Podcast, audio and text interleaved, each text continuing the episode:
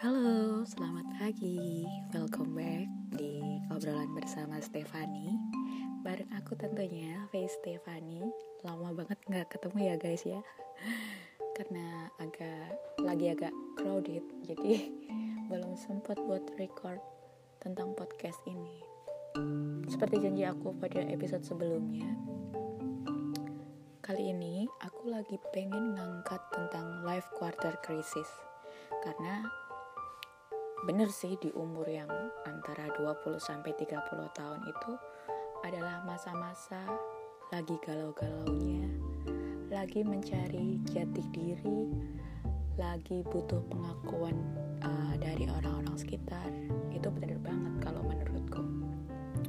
Galau tentang pekerjaan, galau tentang rencana pernikahan, kalau tentang keuangan juga melihat orang lain, oh orang lain udah punya pada punya rumah, orang lain sudah menikah dan punya anak, padahal dirinya sendiri belum apa-apa. Sangat banyak yang mengalami hal seperti itu termasuk aku juga sih gitu. Tapi kalau aku mungkin bisa dibilang life quarter crisisnya datang lebih awal. Di usia 21 tahun udah mulai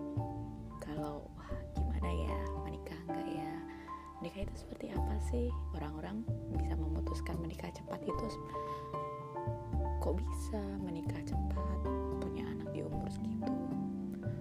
Di umur segitu investasinya sudah segini udah punya rumah udah punya mobil udah bisa berangkatin orang tua naik haji buat yang Islam. Banyak uh, keirian yang timbul dalam diriku sendiri. Tapi ternyata masih bisa ngehandle gitu. Tapi nggak semua orang bisa ngehandle life quarter crisis di dalam hidup mereka. Jadi mungkin orang-orang di sekitarku belum banyak yang tahu bahwa dulu aku memutuskan pergi ke Jogja karena memang ingin menghindari orang tuaku. Bukan menghindar sih uh, melepaskan diri, mencoba melepaskan diri dari orang tuaku. Seperti apa sih hidup sendiri, bertanggung jawab sama diri sendiri, menghidupi diri sendiri. Itu adalah salah satu alasan kenapa hmm, aku memutuskan untuk pergi ke Jogja dan ya kamu untungnya juga kuliah di Jogja. Saya nggak tahu kalau nggak bisa mikir kalau kalau saya nggak keterima kuliah di Jogja, saya mau ke mana? gitu. Di usia segitu mencoba menantang diri sendiri yang masih labil-labilnya buat ya kamu harus mencoba hidup dari jerih payahmu sendiri gitu. Banyak sih yang menyaksikan kalau aku mampu. Karena dulu termasuk salah satu orang yang manja. Uh, kalau dibilang sih uh, kamu mak makan banget gitu ngumpet di ketek uh, orang orang tua gitu. tapi aku berhasil membuktikan di fase-fase awal kuliah di Jogja ternyata aku bisa. Tapi ya emang gak gampang pernah merasakan harus tahan lapar karena gak punya uang buat harus bayar kuliah. Kadang juga lihat teman bisa nongkrong ke sana kemari hai bareng-bareng temannya tapi aku harus bekerja cari uang itu salah satu hal yang bisa dibilang ngebentuk aku saat ini. Rasanya tuh hmm, agak berat sih kalau mau cerita. Life quarter crisis. Aku juga kadang iri sih lihat temanku. Kok dia udah menikah ya? Udah punya anak ya? Udah punya bag rumah bagus ya udah punya mobil ya udah bisa berangkatin orang tuanya ke luar negeri atau berangkat haji. Tapi kadang kembali lagi ke diriku sendiri.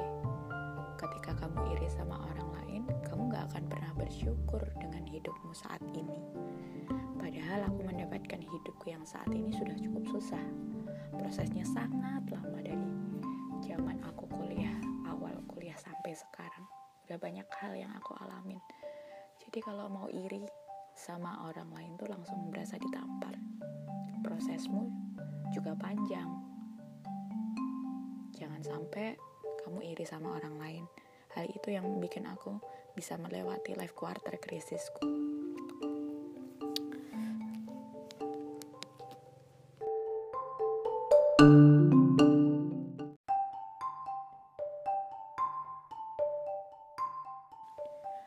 Sebelum membahas life quarter crisis dari sudut pandangku, mungkin aku mau cerita sedikit hal yang belum banyak orang ketahui tentang aku. Jadi, orang melihat aku yang terbentuk saat ini adalah orang yang sangat apatis karena saya termasuk orang yang masa bodoh dengan urusan orang lain. Sama uh, nggak berimpact ke aku ya aku bakalan cuek sama urusan itu jadi aku di usia 21 tahun dulu aku pernah merencanakan per, sebuah pernikahan sama pasanganku. Ketika udah tunangan udah menuju ke arah emang emang benar-benar menuju ke arah sana dan kita udah mulai ngurus-ngurus dari souvenir undangan milih-milih tema seperti apa. Dua bulan dua bulan sebelum hari H aku dikejutkan dengan sebuah statement bahwa dia bilang aku tidak bahagia sama kamu.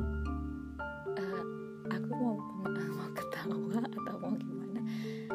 Ketika itu dia bilang seperti itu kita tuh nggak nggak lagi ribut uh, nggak lagi ada masalah kita lagi ketawa bareng-bareng. Terus tiba-tiba dia bilang aku tidak bahagia sama kamu. Hello man rasanya mau langsung pengen aku tonjok saat itu juga. Nggak ada masalah sama sekali kecuali kita ribut. Ada masalah sebelumnya it's okay. Aku rasanya kayak di sambar petir di siang bolong. Ya ketika kedua keluarga kami sudah iya udah ayo silakan dilanjutkan ke tahap yang serius. Tiba-tiba dia bilang seperti itu. Terus aku mikirnya kamu ngapain aja sama aku selama bertahun-tahun? Baru sekarang bilang nggak bahagia sama aku. Ya kalau memang nggak bahagia harusnya dari awal dong bilang nggak bahagia sama aku. Kenapa bilangnya ketika semuanya bukan semuanya sih hampir semuanya sudah mau siap baru bilang seperti itu? Dari situ aku langsung rasanya menghakimi diriku sendiri. Kurang apa ya hmm, apa yang salah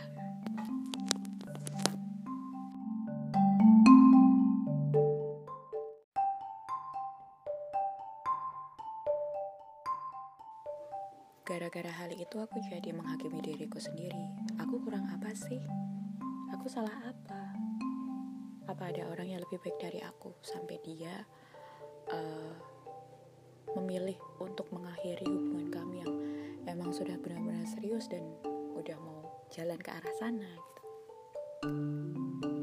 Tapi dia aku kenal dia paham dia. Dia bukan tipe laki-laki yang mudah kenal dan mudah akrab dengan seorang perempuan. Ada hal lucu yang cukup mengulik aku. Dulu pertama kali aku datang ke rumahnya ibunya bilang sama aku kalau aku adalah perempuan yang pertama diajak dia datang ke rumah ketemu ibunya. Anaknya memang sangat tertutup, super sangat introvert sekali. Sejak itu aku jadi dendam. Ya, nggak bohong sih kalau dendam memang ada dendam. Karena ya sakit gak sih dikituin gitu. Sudah mau hampir siap, udah bicara kedua belak pihak keluarga, eh tahu-tahu dia memutuskan untuk sih guys. Yang berat bukan masalah move onnya. Aku yang berat adalah mempertanggungjawabku mempertanggungjawabkan apa yang sudah aku pilih sama keluargaku sama keluarganya dia. Apalagi aku sama ibunya udah kenal baik udah akrab. Ya gimana ya? Sejak saat itu aku jadi benci banget sama dia. Ketemu. Kita karena temannya dia juga temanku jadi mau nggak mau kita tongkrongan ya bareng gitu. Ketemu cuma diam aja kayak orang nggak kenal kayak dua orang asing yang ketemu yang belum yang belum kenalan. Aku sangat menghindari dia dari segi chat ketemu ataupun ngobrolin dia aku sangat menghindari ketika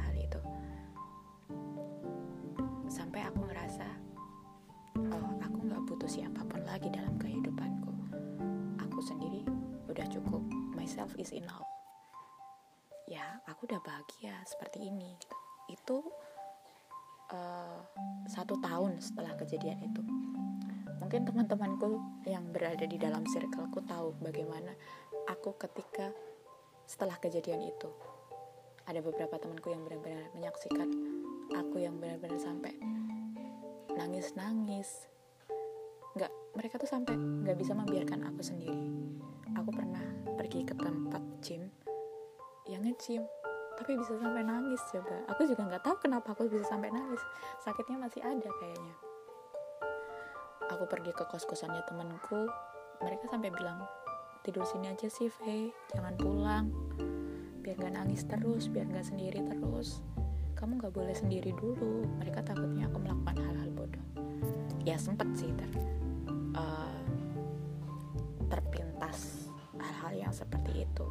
Karena mempertanyakan self worth itku mempertanyakan apa aku tidak apakah aku tidak selayak itu sampai dia memutuskan untuk mengakhiri hubungan kami? Ya.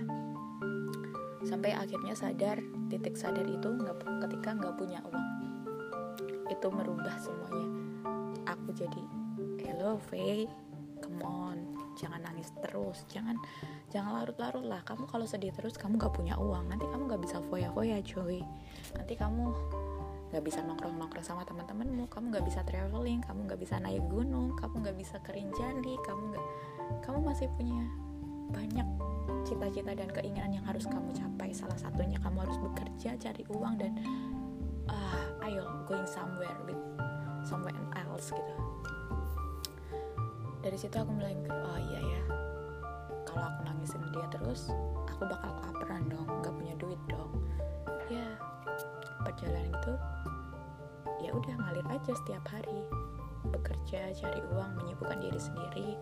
Sampai satu tahun setelah itu bisa bilang sama diriku sendiri aku nggak butuh orang lain. Aku sudah bahagia sama diriku sendiri. Myself is enough ya aku jadi bisa dibilang itu adalah salah satu trauma buat diriku sendiri. Kayak menutup pintu hati buat siapa pun. Dalam waktu satu tahun itu ada beberapa orang yang berusaha masuk. Tapi nggak tahu mungkin memang udah sinyalnya pengen ngedeketin jadi aku berubah tanpa aku sadari aku berubah jadi orang yang sangat ketus sangat cuek sangat judes tapi ke teman-temanku yang laki-laki yang teman-teman nongkrongku biasa aja gitu. Nggak kayak nggak ada apa-apa. Tapi mungkin memang udah ada sinyalnya bahwa dia oh oh dia ingin masuk ke kehidupan kamu. Oh dia pengen deketin kamu. Maksudnya berbeda daripada teman-temanmu yang cowok lainnya. Jadi ketus jadi cuek. Sampai pernah dibilang kamu sejual sok jual mahal banget sih gitu ya bukan sejual mahal ya karena aku memang belum mau membuka hati dan sepertinya tidak ingin membuka hati pada waktu itu. Salah satu aku melewatinya ya bekerja cari uang kerja sampai yang benar-benar punya waktu itu cuma buat tidur. Sampai aku pulang ke kos pulang ke rumah ke kos itu cuma buat tidur buat mandi pergi lagi gitu. Sampai akhirnya aku bertemu pasanganku yang sekarang lucu sih. Niatnya memang bukan pengen pacaran awalnya. Jadi dulu 2017 aku masih ingat celebration game antara PSS dan Persebaya. Jadi aku intinya kebingungan cari tiket sama temanku. Nah nemulah dia di Twitter yang memberikan arahan bantuan oh gini loh kalau kamu mau cari tiket lewat sini lewat sini sini terus tiba-tiba dia dia DM aku minta nomor WA tadinya nggak mau kasih tapi aku tipe bukan tipe orang yang gampang memberikan nomor WhatsApp ke orang. Terus mungkin pikirku ya ya udahlah. Buat kemudahan kamu cari tiket juga kok gitu. Ya udah aku kasih. Nggak nyangka kalau hubungannya akan sejauh ini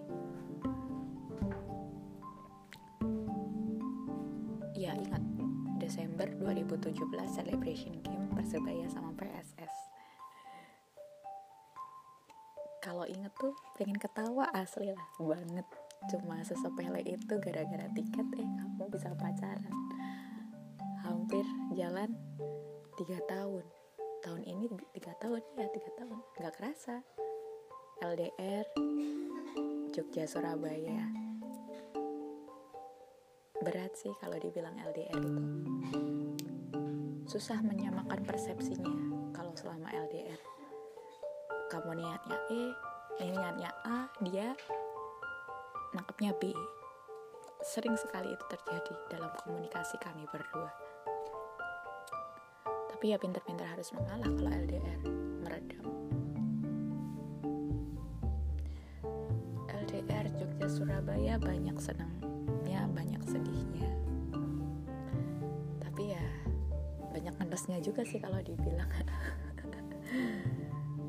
Ketemu dia tiga bulan sekali. Tapi ya memang rata-rata aku yang nyamperin karena jam kerjaku di sini kan fleksibel.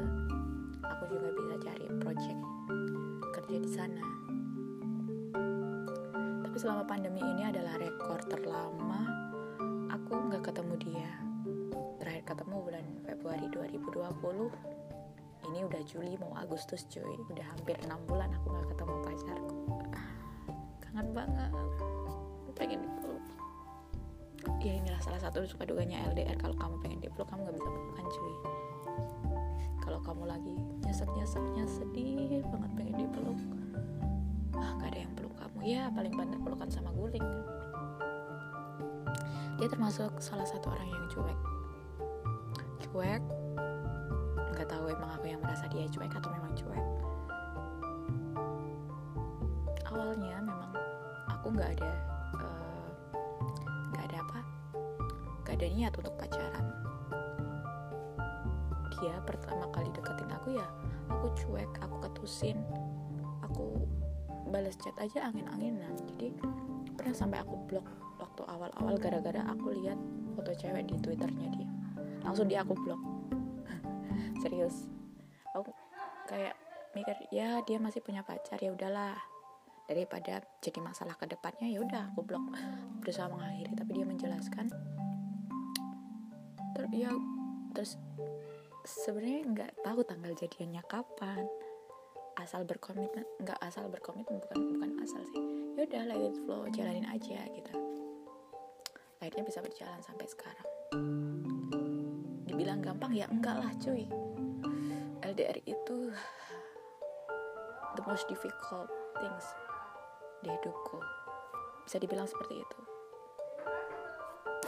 Aduh ya gitu deh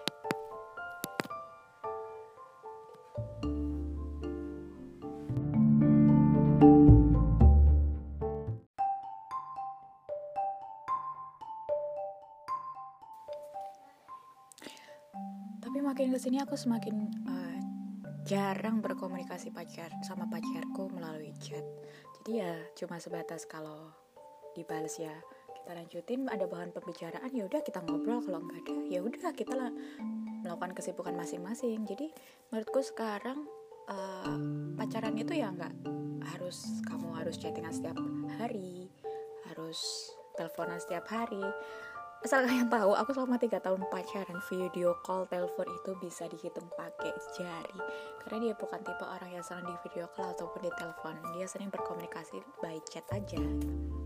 Tapi aku ya nggak masalah sih. Karena ya mungkin karena memang aku juga bukan tipe orang yang hmm, harus mengharuskan chat atau komunikasi. Emang komunikasi itu penting tapi intensitasnya memang ya kamu punya kesibukan lain. Hidupmu mentang-mentang pacaran ya jangan jangan mentang-mentang udah pacaran jangan cuma isinya chat, telepon, uh, video call. Ya kamu punya kesibukan lain yang harus kamu lakukan gitu. Gitu. Jadi kadang aku juga mikir um, sebenarnya aku nggak ada dia pun juga nggak apa-apa gitu. Mungkin karena faktor LDR juga sih. Jadi mengakibat, mengakibatkan aku kamu terbiasa ngapain sendiri? Makan sendiri pergi sendiri nonton sendiri. Jadi kayak merasa kamu ada nggak ada dia pun ya sama aja gitu. Bukan berarti aku tidak uh, nggak uh, nganggap keberadaan pacarku tapi ya kayak apa ya? Menurutku sekarang pacaran itu tidak mengharuskan harus makan bareng harus setiap hari teleponan harus setiap hari chattingan harus harus setiap bulan ketemu. Dulu memang awal pacaran LDR ya sebisa mungkin dua bulan sekali ketemu. Tapi sekarang ya udah loh sesempatnya seada uangnya kalau dia nggak sibuk ya ya pernah sih gue nyamperin ke, ke Surabaya gitu malah. Ditinggal sibuk sendiri ditinggal per, pergi kerja. Kesel dong ya kita udah nyempetin ke sana nyempetin duit. Eh taunya ditinggal kerja ya udahlah sejak saat itu aku jadi mikir ya udahlah nggak harus setiap dua bulan sekali ketemu gitu. Dari situ aku jadi mikir kenapa harus menikah? Jadi kayak aku ya diriku sendiri udah cukup. Aku udah sudah cukup bahagia dengan diriku sendiri. Aku sudah cukup dengan uh, apa ya sudah cukup dengan oh kamu udah terbiasa nih sendiri. Uh, ke mana-mana sendiri makan sendiri nonton sendiri. Ya jadi kayak uh, aku nggak butuh pasangan gitu. Kenapa harus menikah? Apa sih uh, tujuan menikah? Kenapa orang-orang ini jadi ngebet banget menikah? Kenapa? Hmm, nanti kalau aku um, menikah apakah aku lebih uh, lebih bahagia dari sekarang apa kalau menikah aku tetap bisa bebas seperti sekarang? Apa nanti kalau menikah bisa naik gunung bisa ke stadion bisa nongkrong bareng teman-teman cowokku? Itu jadi hal yang sangat sangat sangat aku uh, pikirkan buat saat ini. Buat menimbang menimbang benar-benar ya kamu harus menikah uh, uh, plus minusnya menikah tuh apa gitu. Ya kalau cuma sekedar ngewe sih ya udah bisa tanpa menikah dan pacarku termasuk orang yang keras kepala. Nggak bisa bayangin dua kepala ini nanti disatukan dalam satu rumah. Kalau kita punya konflik dua-duanya nggak mau ngalah dua-duanya nggak bisa meredam ego masing-masing ya game over lah rumah tangga kalian. Jadi aku semakin mikir kamu kayaknya memang belum pantas deh buat menikah Faye gitu. Egomu masih luar biasa kamu masih belum bisa meredam egomu sendiri gimana kamu nanti meredam ego di dalam rumah tanggamu? Aku masih punya banyak cita-cita masih punya banyak list yang harus aku lakukan yang aku sendiri mempertanyakan itu apa nanti ketika aku sudah menikah aku masih bisa memper, uh, melanjutkan list-listku yang belum aku lakukan ini? Come on Faye you are 25 gitu. masih panjang lah. Bodoh amat tetangga mau ngomongin apa. Ya emang kadang annoying sih belum menikah. Kok masih sibuk di rumah? Kok kerja pulang pagi? Ah itulah omongan tetanggaku yang wah kadang bikin aku cukup dongkol sih. Yang dan itu yang bikin ibuku kadang depresi. Omongan dari tetangga-tetangga yang secara tidak langsung dia ngepush psikisnya ibuku. Ya kemudian juga jadi ngepush aku ayo menikah ayo bawa calonmu ke rumah. Kalau kamu nggak punya calon ibu kenalin nih sama anaknya ini sama anaknya ini sama anaknya ini. Aku nih ya udah berkali-kali di uh, kenalin sama anaknya temannya ibuku. Ya blind date ya mungkin kencan buta. Tapi ya aku bukan menyebutnya bukan kencan sih tapi kayak aku dikenalkan sama dia aku disuruh jalan sama dia yang sebenarnya aku sendiri nggak kenal dia itu siapa katanya sih kalau orang sekarang jawabnya ta'aruf. Ya aku mah bodo amat tuh sama ta'aruf. Kalau orang-orang menganut ta'aruf mah aku mah nggak mau. Aku harus benar-benar mengenal orang yang akan aku ajak hidup nanti. Kalau aku nggak kenal dari sekarang kalau nanti aku kaget setelah menikah oh ternyata dia seperti ini. Oh kebiasaan dia seperti ini. Ya kalau bisa aku memakluminya. Kalau aku nggak bisa maklum kan ya game over rumah tangga kalian gitu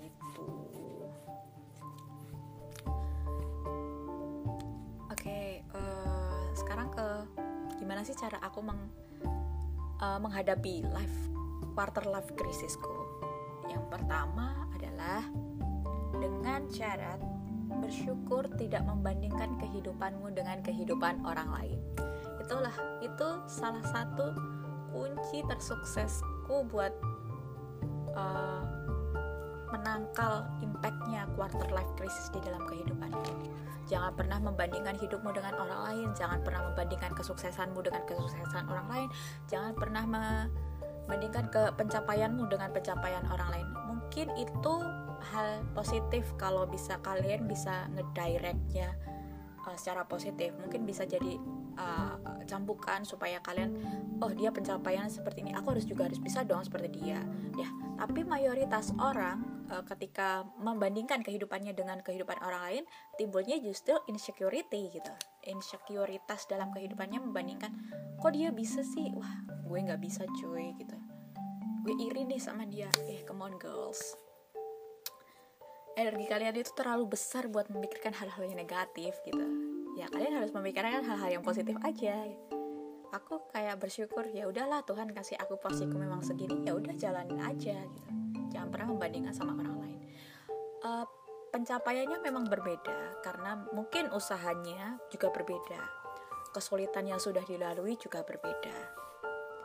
Jadi kamu Jadilah orang sukses dalam kehidupanmu sendiri. Jangan pernah membandingkan kesuksesanmu dengan kesuksesan orang lain, karena porsinya memang beda-beda. Everything their own times. Jadi semuanya punya waktunya masing-masing. Mungkin orang lain bisa menikah di umur 25, sementara kamu 25 aja pacar aja belum punya, cuy. Orang bisa punya anak di umur 25 tahun sedangkan kamu 25 tahun masih ngomong keponakan-keponakan. Ih aku banget cuy. 25 tahun ngomongin ponakan-ponakan setiap hari. Tapi it's okay buat aku semacam buat pelatihan juga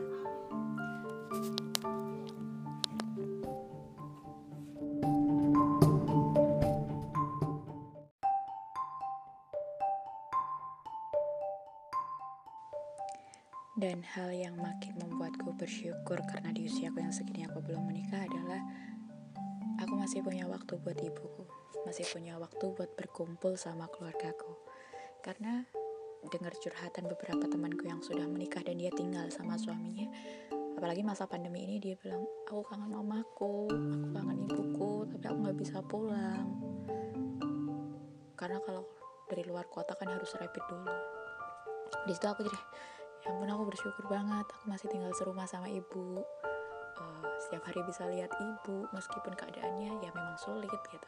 Sesulit apa pun aku ada sama ada sama ibuku. Bisa satu rumah tiap hari lihat setidaknya aku bisa make sure lah bahwa keadaan ibuku baik-baik aja. Dan itu adalah salah satu harta yang paling nggak bisa dibayar dengan uang sebanyak apa pun ketika kamu bisa growing up sama ibu mungkin ini adalah salah satu cara aku membayar kesalahanku karena dulu aku pernah memutuskan untuk menjauh dari keluargaku dan sekarang aku bayar.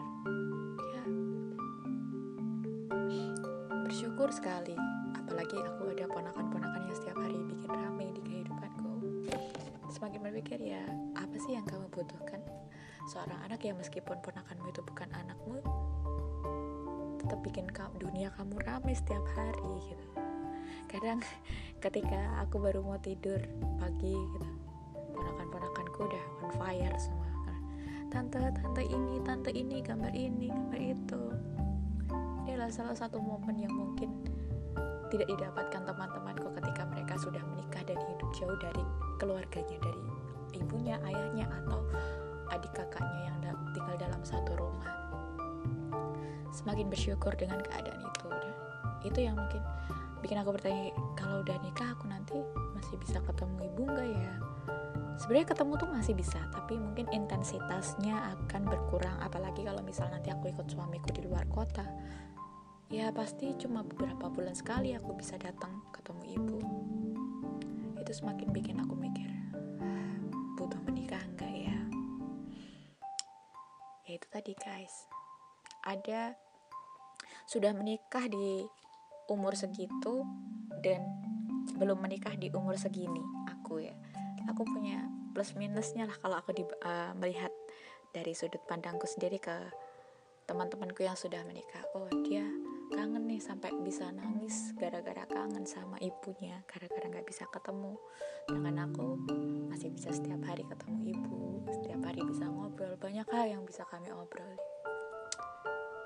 jadi itu intinya jangan pernah membandingkan kehidupanmu, kesuksesanmu, pencapaianmu dengan orang lain. Everything has their own times. Jadi mereka punya waktunya sendiri-sendiri.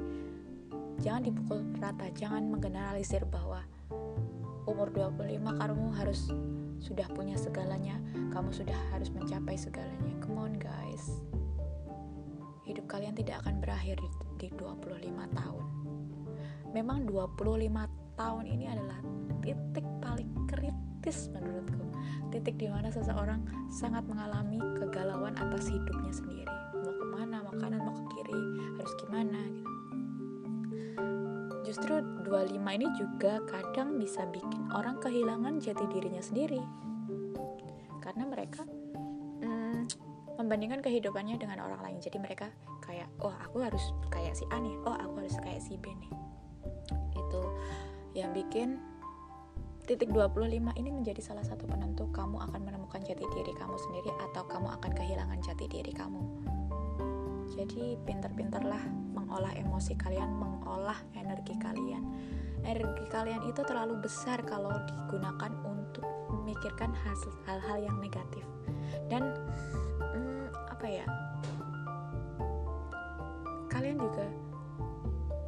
tidak langsung dalam alam bawah sadar ketika kalian memikirkan hal-hal yang negatif itu bisa terjadi. Apa yang kalian pikirkan itu bisa terjadi karena kalian terlalu memikirkan itu gitu. Ya itulah. Pokoknya intinya jangan pernah membandingkan hidup kalian dengan hidup orang lain. Bersyukur dengan apa yang punya kalian punya sekarang. Hmm, bersyukur itu adalah salah satu hal ketika kalian sudah merasa cukup dikasih segini ya udah cukup dicukup cukupin jangan pernah membandingkan oh si A nih pendapatannya segini gaya hidupnya seperti ini. Gak bisa seperti itu. Hal itu yang membuat kalian jadi insecure terhadap orang-orang di sekitar kalian. Terus yang kedua hmm, bekerja sesibuk mungkin.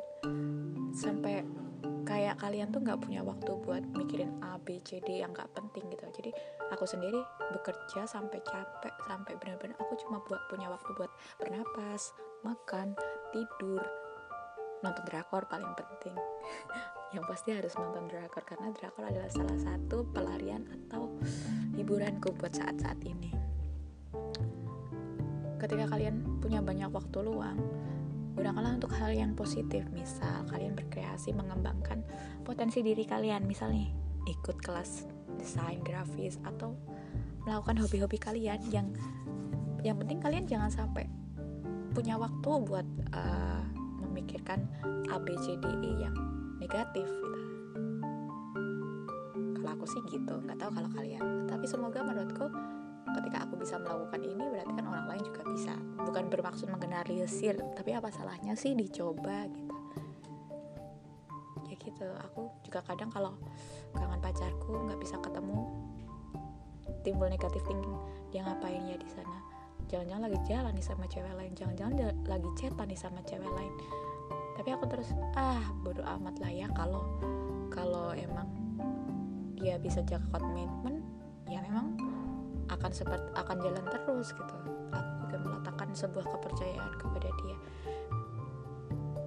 Aku terus mengalihkan energi negatifku itu buat melakukan hal-hal yang penting. Kayak bikin podcast gini atau bikin materi bahan diskusi bersama teman-temanku di forum sepak bola eh, perempuan dalam sepak bola.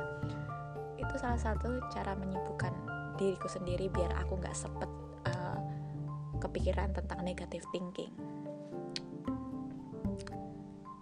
Sebenarnya banyak tips ya, tapi yang paling ampuh adalah dua itu tadi. Jadi ketika kalian tanpa sadar membandingkan kehidupan kalian terhadap kehidupan orang lain um, itu secara tidak langsung akan mempengaruhi psikis kalian. Jadi diri kalian tuh nggak sehat gitu loh psikis kalian tuh nggak sehat ketika membandingkan. Ya kamu tuh harusnya branding diri kalian sendiri jangan pernah membandingkan hidup membandingkan hidup kalian dengan orang orang lain. Jadi kalian tuh harus nge-branding hidup uh, diri kalian. Oh kualitas aku harus meningkatkan kualitasku nih. Uh, apa ya? Uh, ya yang penting nge-branding gitu loh ya. Ketika kalian cuma membandingkan diri kalian dengan uh, orang lain ya nanti psikis kalian tuh juga akan secara nggak langsung itu akan berpengaruh gitu. Jadi kalian harus punya label lebih dibanding orang lain. Jadi misal si A bisa ini kamu juga misal kamu juga bisa belajar seperti itu tapi kamu juga harus punya skill yang lebih dari si A gitu. Gitu guys. Tapi memang bicara life quarter, eh, quarter life crisis ini nggak semua orang bisa melewati dengan mudah nggak semua orang uh, harus mendramatisir juga sih karena mengalami quarter life crisis. Aku sendiri kadang kalau lagi kepikiran hal-hal yang negatif gitu tidur aja deh. Hal yang paling gampang tuh tidur. Tapi aku sendiri juga uh, termasuk orang yang susah tidur jam tidurku berantakan. Aku baru bisa tidur itu setelah mendengar azan subuh. Jadi ketika malam sampai pagi itu ya menyibukkan diriku sendiri kayak bikin artikel terus browsing browsing atau menyiapkan bahan-bahan diskusi buat diskusi tentang sepak bola. Kan aku sukanya sepak bola nih jadi itu bisa aku gunain sebagai salah satu pengalian. Oh isu apa nih yang baru hangat di dunia sepak bola? Nanti kita angkat sama teman-temanku gitu. Jadi jadikanlah hobi kalian itu sebagai salah satu penyelamat diri kalian dari negatif thinking tentang quarter life crisis. Jadi pesanku yaitu tadi jangan terlalu memikirkan dan membandingkan kehidupan kalian dengan kehidupan orang lain setiap orang itu sudah punya porsinya sendiri-sendiri Jangan pernah menggeneralisir bahwa di usia 25 tahun, ketika kalian belum menikah di usia 25 tahun, itu kalian menganggap dunia kalian akan selesai. Ah, it's a big no, guys. Jadi masih ada kita lihat Sandra Dewi, terus Yuanita Kristiana itu menikah di usia yang lebih dari 30 tahun. Jadi kenapa kalian harus ambil pusing? jodoh memang tangan Tuhan tapi kita juga harus berusaha tapi jangan sampai memaksa berusaha um, melebihi kapasitas kita ya let it flow aja gitu. Ketika memang sudah waktunya menikah pasti akan menikah. Jadi jangan punya patokan bahwa kalian di usia 25 tahun kalian harus menikah kalian harus sudah punya anak kalian harus punya rumah kalian harus sudah keluar negeri. Come on guys. Kalian hmm, gini deh bikin list hal yang hmm, pengen kalian lakukan dekat waktu dalam waktu dekat-dekat ini. Coba kalian banding uh, bayangkan apakah kalian uh, akan bisa melakukan hal-hal itu ketika kalian sudah menikah. Itu aku lakuin juga di kehidupanku. Dan itu sangat ber uh, sangat berpengaruh gitu. Aku selalu membayangkan kalau besok punya suami kalau besok sudah punya anak apa masih bisa aku naik gunung? Apa bisa aku masih pergi ke stadion? Ya kalau suamiku suka sepak bola kalau nggak suka sepak bola gimana gitu? Itu aja sih pesanku. Jangan pernah membandingkan sibukkan diri diri, eh, diri kalian dengan hal-hal positif terus coba deh bikin list tentang hal-hal yang sangat sangat sangat pengen kalian lakukan buat saat ini dan bayangkan apakah hal itu masih bisa kalian lakukan ketika kalian menikah, kalian sudah menikah. Itu pesan dari aku. Uh, jaga psikis kalian agar tetap sehat. Menjaga psikis itu adalah kewajiban setiap uh, masing-masing orang. Jadi, come on guys. Ketika psikis yang sehat, uh, psikis kalian sehat, tubuh kalian juga sehat, pikiran kalian juga sehat. Terima kasih, sampai ketemu di episode selanjutnya. Thank you.